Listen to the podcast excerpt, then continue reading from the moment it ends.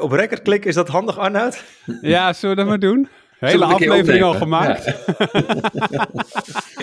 de luisteraar die denkt van, wat is dit? Maar uh, nou, en uh, we gingen starten en toen uh, was ik nog, nog zo scherp om Arnoud te zeggen, van, volgens mij moeten we op record klikken. Misschien ook wel handig, omdat we show voor meerdere mensen opnemen. Nou, ik heb het een keer gehad hoor, dat ik een interview deed van een uur en dat toen ik in de trein terug zat, iemand zei, mij belde en zei: Er staat niks op, ik heb het niet opgenomen. en, Teruggegaan en weer gedaan? Toen moest het over, ja. Oké, maar afgelopen week had, je, had jij toch een opname bij Editie NL, toch? Uh, ja, ja? Heel, ja, heel kort. Het ging over uh, mediterrane voeding en dementie. Ja. ja. Bij zo'n opname, dan komen ze langs bij, bij op de Unie of thuis. Nee, en thuis, dan, ja. En hadden ze een uur nodig voor een, shot van 30 seconden? Of hoe ging dat? Nee hoor, ze hebben uh, ruim een kwartier nodig, waarvan de helft opzetten van de camera en het geluid en dat soort dingen. En dan, en dan opnemen en dan weer weg. Ja, en, tot hoever is dat, uh, ja, hoeveel minuten uh, hebben ze daar, daarvan gebruikt dan? Twee of zo, denk ik, de, misschien drie. Ja. Oh, dat vind ik nog best die, efficiënt hoor, voor tv. Ja, ja, ja, ze doen het op. Die, sommige programma's doen het heel snel. Die komen even langs ja. gereden en dan kost ik, je geen Ik heb wel eens drie uur uh, gestaan en dan uiteindelijk bleef daar 25 seconden van over. Toen dacht ik ook, nou, dat is niet heel efficiënt gebruik van mijn tijd. Nee, dat doe ik ook niet meer. Nee, nee. nee, nee. Anyway, nu ga ik hem echt achtertrappen terwijl, ja, terwijl, okay, terwijl ja. de recording loopt. Oké, okay, goed.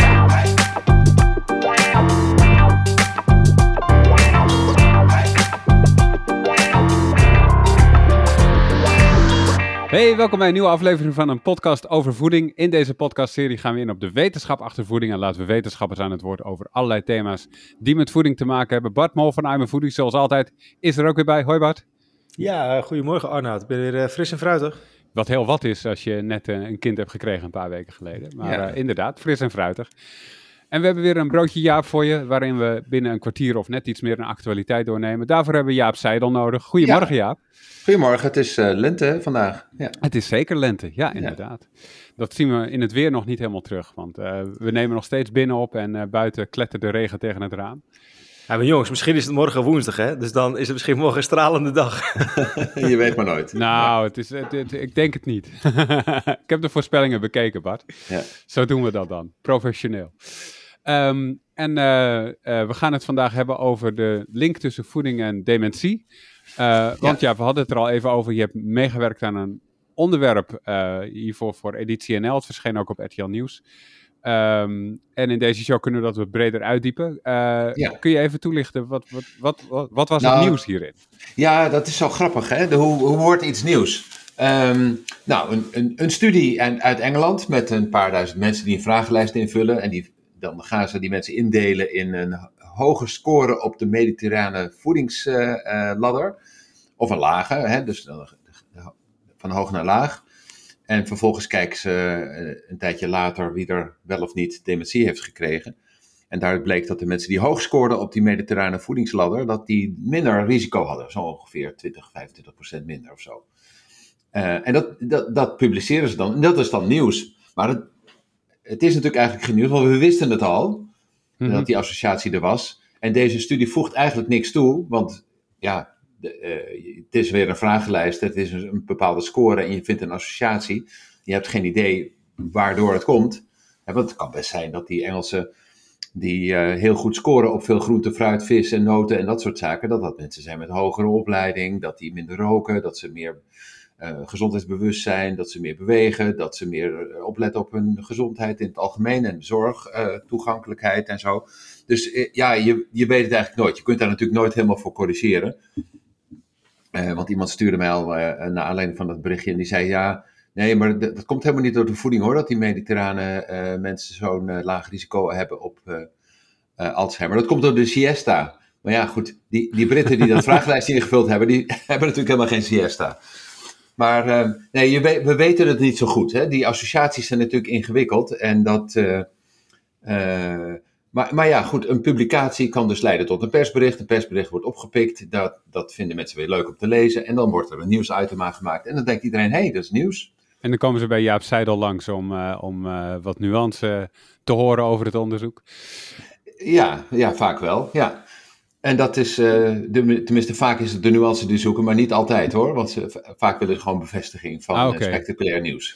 Ja, maar, ehm, maar je zegt dit wisten we al. Er zat er helemaal niks nieuws in, in, in deze informatie waarvan je zei, nou, interessant. Nee, nee want de, de, de persbericht uh, heeft het dan over de ziekte van Alzheimer en over he, mediterraan eten. En dan vaak ook groente en fruit leiden tot minder de, de ziekte van Alzheimer. En er zitten dus in die vertalingen allerlei fouten, want het ging niet alleen over groente en fruit. Het ging ook niet over de ziekte van Alzheimer, het ging over dementie in het algemeen. En als er al een associatie is, dan denken we dat dat vooral komt door de vasculaire dementie, wat een heel groot gedeelte is van uh, ja, de gevallen van dementie die optreden. Dat komt doordat je slechte bloedvaten hebt en dat er nou ja, hoge bloeddruk en al dat soort zaken, maar uh, met name ook inflammatie. En dat leidt tot uh, allerlei ehm, zaken die ja, slecht gaan in de bloedtoevoer naar je hersenen. En daardoor heb je uh, afwijking in, zoals dat heet, witte stof. En daardoor kun je dement, uh, dementie ontwikkelen. En, uh, maar kijk, er zitten een aantal aardige aspecten aan. Want zo'n bericht, en daarom wilde ik er eigenlijk wat dieper bij stilstaan, is één, wat is een mediterrane voeding? Ja.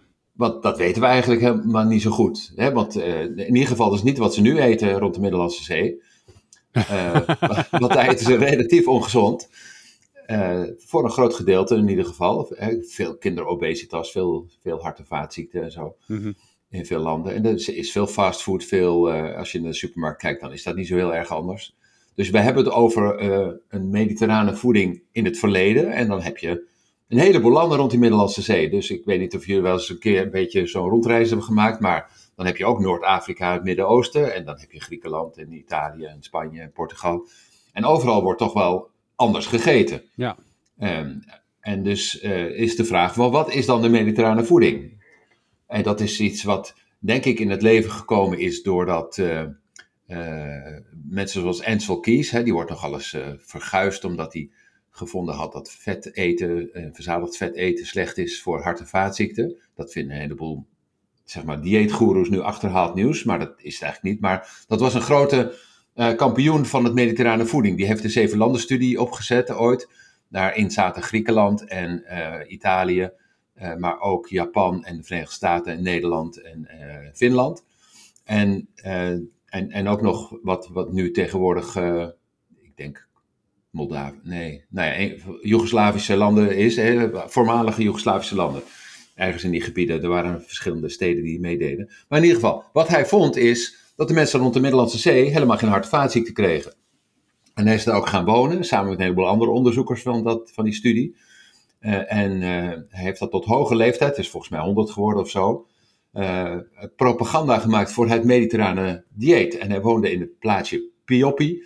En dat Pioppi-dieet, dat is later ook nog eens beroemd geworden door een Engelse auteur die uh, honderdduizenden boekjes, dieetboekjes ge, uh, verkocht. Uh, maar daar komt dat woord mediterrane voeding vandaan. En dat dat goed is voor hart- en bloedvaten. En ja, sindsdien bestaat dat dus. En dat is een beetje wat, wat die meneer Kies dan at in Pioppi, denk ik. Hè? Dus dat zijn olijven, vis en wat is een stadje aan de zee.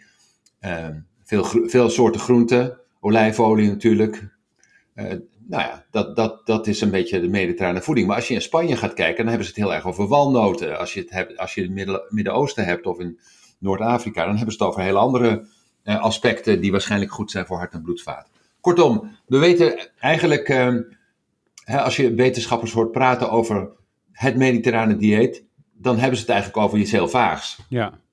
Namelijk iets wat vroeger wel eh, op heel veel verschillende manieren werd gegeten rond de Middellandse Zee. Uh, nou, moet ik wel zeggen, de... RTL had er een uh, uitlegje bij. En, ja. en, we kunnen het even doorlopen. Even kijken of je het daarmee eens bent of dit de mediterrane, uh, die, het mediterrane voedselpatroon een beetje weerspiegelt zoals jij dat ook in je hoofd hebt. Dat is veel verse groenten en fruit, volkorenproducten, peulvruchten, noten en zaden en vis en zeevruchten.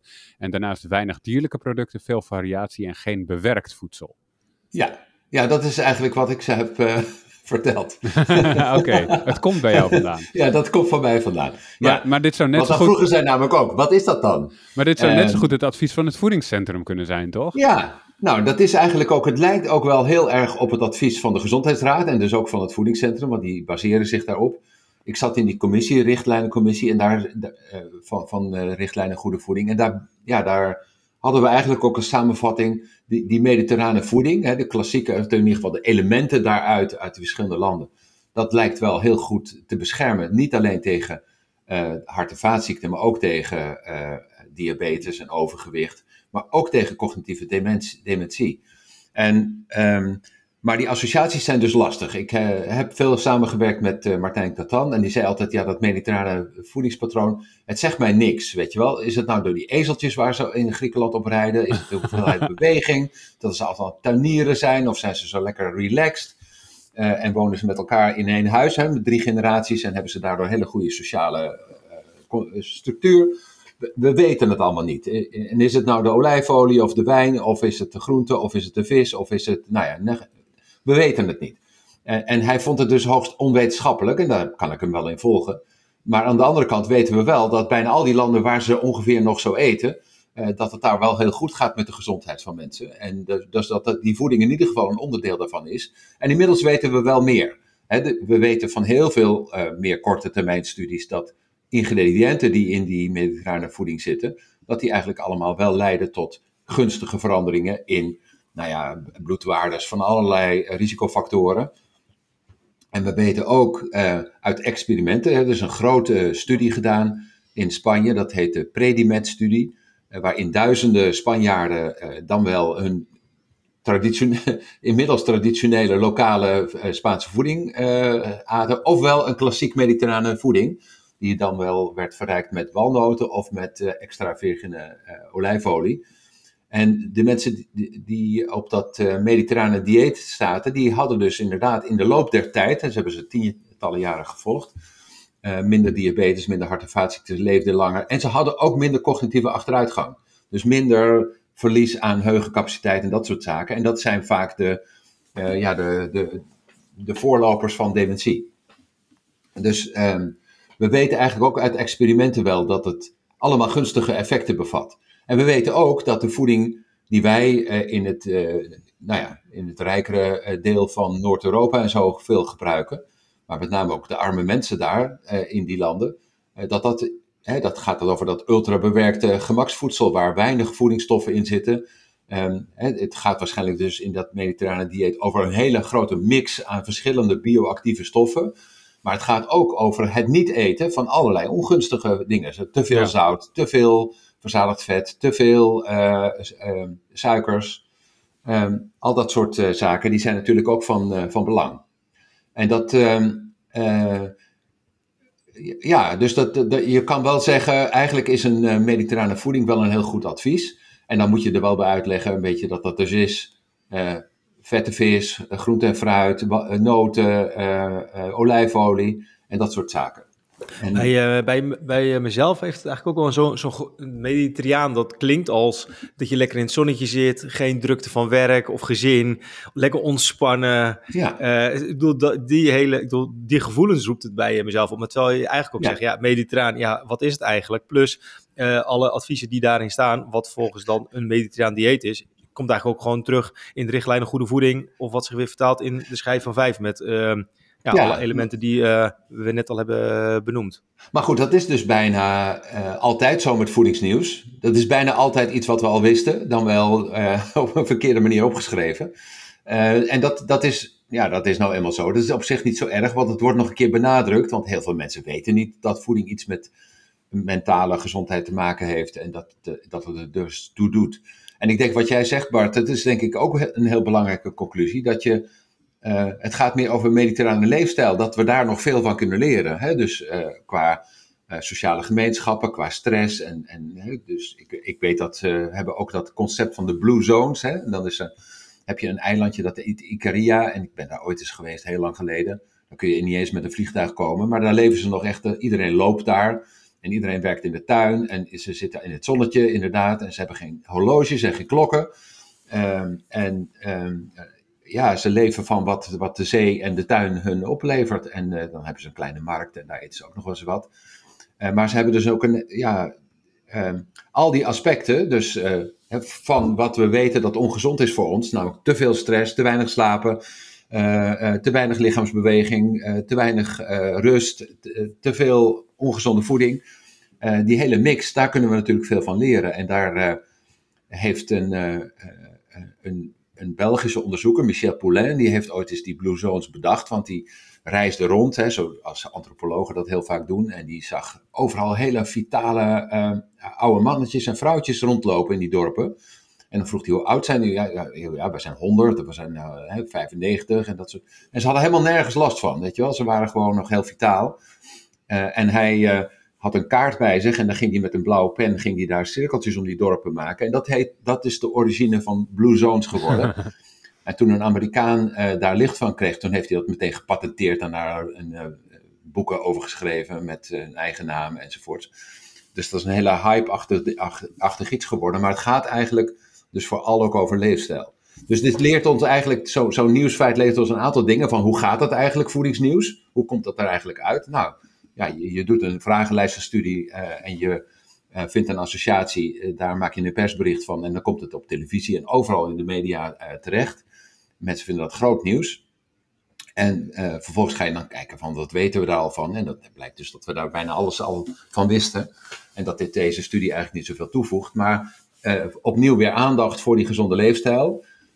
Maar ook nog wel eens benadrukken dat we als wetenschappers misschien ook wel iets meer moeten uitleggen van hoe komt dat dan? He, want ja. heel veel mensen hebben geen idee en die denken dan, oh ja, als ik dus dan flink wijn drink en ik, heb een, ik neem een diepvriespizza uit de uh, supermarkt mee. Dat is heel mediterraans. Dan, en mediterraan, ja. En ik eet allemaal witte pasta met uh, roomsaus. Dan, dan ben ik ook lekker bezig. En dat is natuurlijk niet zo. Dus we, we zijn toch in de voedingswetenschap wel vaak heel onduidelijk over dit soort dingen. Want als je in PubMed, hè, dat is dan zo'n overzicht van alle wetenschappelijke literatuur, gewoon mediterrane voeding indrukt, dan kom je duizenden en duizenden, tienduizenden misschien wel artikelen tegen. Uh, zonder dat die eigenlijk goed uitleggen wat dat nou weer precies is. En wat je in Engeland meet aan mediterrane voeding, is natuurlijk eigenlijk helemaal geen mediterrane voeding. Dat is een beetje wat dingen eh, die je in de supermarkt in Engeland kan kopen. En, en wat ook wel belangrijk is, vind ik altijd om te benadrukken, dat ik heb wel eens studenten zo'n mediterrane voeding laten kopen op de Noordermarkt in Amsterdam. Maar dat is gigantisch duur nu dus wat de, de, de voeding was van de eenvoudige uh, landarbeiders en de mensen in de dorpjes in Italië, uh, dat is nu een hele dure voeding geworden. Met verse vis, met noten, olijf, extra virgine olijfolie, veel verse groenten en fruit van allerlei soorten en kleuren en dan allerlei kruiden daarbij, die er ook bij horen. En dat is, ehm, ja, dat, dat is een vermogen voor mensen met een laag inkomen en weinig tijd en weinig vaardigheden en weinig geld. Dus uh, ook dat advies wat we geven van eet maar zoals uh, vroeger deden rond de Middellandse Zee, zonder daarbij na te denken wat dat eigenlijk allemaal wel niet kost dan tegenwoordig. En dat het heel veel, voor heel veel mensen qua tijd, vaardigheden en geld helemaal geen optie is om zoiets te gaan eten. Dat moeten we ons ook wel van bewust zijn. Ik had nog even een, een laatste vraag. Want um, in het artikel is niet ingezoomd op de dementiecijfers dan uh, tussen Nederland en Spanje of een van die Medi Mediterraanse landen dan, toch? Dus dan zou je toch. Nee, nee, maar dat, dat, is ook, dat is ook echt. Dat zou een heel zwak onderzoek zijn, hè? dat soort uh, vergelijkingen tussen landen. Waar mm. je weet natuurlijk dat er heel veel soorten factoren een, uh, een rol spelen. dus als je op een bepaald moment zegt in. Maar we weten wel dat bijvoorbeeld Spanjaarden eh, die, die leven het langst en die hebben ook de, de, relatief de beste gezondheid. En daar wordt ook nog veel, hè, toch in veel eh, plekken ook nog relatief veel mediterraan gegeten. Uh, dus dat past daar wel een beetje bij, maar ik denk dat het wel heel gevaarlijk is om landen te vergelijken. Dat is gebeurd in Nederland ook wel eens. En dan kijk je naar cardiologen die het dan slecht doen maar, en die hoge sterfte hebben en veel hart- en vaatziekten. Ja, maar die wonen die hebben dan een, een ziekenhuis in de hè, Slotervaartziekenhuis, vroeger bijvoorbeeld in Amsterdam, uh, Nieuw-West. Ja, daar had je heel veel ongezondheid en dan denk je, van, dat zal wel komen door die, die dokters doen het slecht. Maar ja, dat komt doordat er zoveel armoede is en zoveel andere ellende. En dat geldt natuurlijk voor um, uh, vergelijkingen tussen landen eigenlijk ook. Dat is heel ingewikkeld. Maar ik heb vroeger ook zelf onderzoek gedaan in Italië. En dat is alweer 40 jaar geleden of zo. Maar uh, uh, daarin vergeleken we ook Noord- en Zuid-Italië. En er was gewoon ontzettend groot verschil. Er was evenveel verschil tussen Nederland en Italië, zal ik maar zeggen, als tussen Noord- en Zuid-Italië. en dan hebben we het over plaatsjes rond Verona, hè, wat ook wel Zuid-Tirol wordt genoemd, daar in het noorden van Italië. Daar eten ze gewoon net zoals in Oostenrijk, bij wijze van spreken. Uh, terwijl de mensen rond Napels, die eten gewoon echt iets totaal anders. Hè? Dus ook een Italiaanse voeding, wat we bedenken van dat eten ze daar, dat is regionaal zo ontzettend verschillend dat we daar uh, eigenlijk nauwelijks een gemeenschappelijk iets in kunnen vinden. Maar als we het een beetje, uh, toch een, een beetje samenvatten, Jaap. Um, ja. want er zijn heel veel nuances te plaatsen, maar als je gezond, nee, nee, wil, als je gezond wil blijven, moet je gezond eten? Nou ja, nee, maar ook, ook wel. Dus uh, denk aan dat, dat het een onderdeel is van een gehele leefstijl, hè, waar mm. je wat van kan leren. Uh, ten tweede is het zo dat, uh, denk ik, wat, wat heel veel mensen zich niet van, zo van bewust zijn, is dat een gezond hart is ook een gezond brein. Hè, dus wat goed is voor je lichaam, is meestal ook goed voor je brein. En heel veel mensen hebben toch niet het idee dat je iets kan doen aan cognitieve achteruitgang, dat je daar geheugentrainers en zo voor moet invullen. Dat dat, dat de manier is om je brein gezond te houden. Maar dat het dus echt ook ertoe doet uh, wat voor voeding je eet, dat weten heel veel mensen niet. Dus ik denk dat dat. Uh, en, en het goede nieuws is natuurlijk: alles wat goed is voor je lever en voor je hart en voor je alvleesklier en voor je, je, je, lichaamsgewicht en dat soort zaken, is ook goed voor je brein. Dus dat is, dat denk ik, alleen maar winst. Nice. En, en tot slot dan. als je vanavond mediterraans wil eten, wat kun je het beste op tafel zetten als je hiermee wil beginnen? Nou ja, veel, veel salades. Uh, uh, niet te veel vlees, geen bewerkt voedsel, uh, ook niet te veel pasta enzovoort. Hè, want dat is, uh, dat is echt niet wat de hoofdmoot is van de mediterrane voeding. Um, ja, dus vooral veel kleur en veel. Uh, ja, denk een beetje aan. en wat dat is ook nog eens goed nieuws.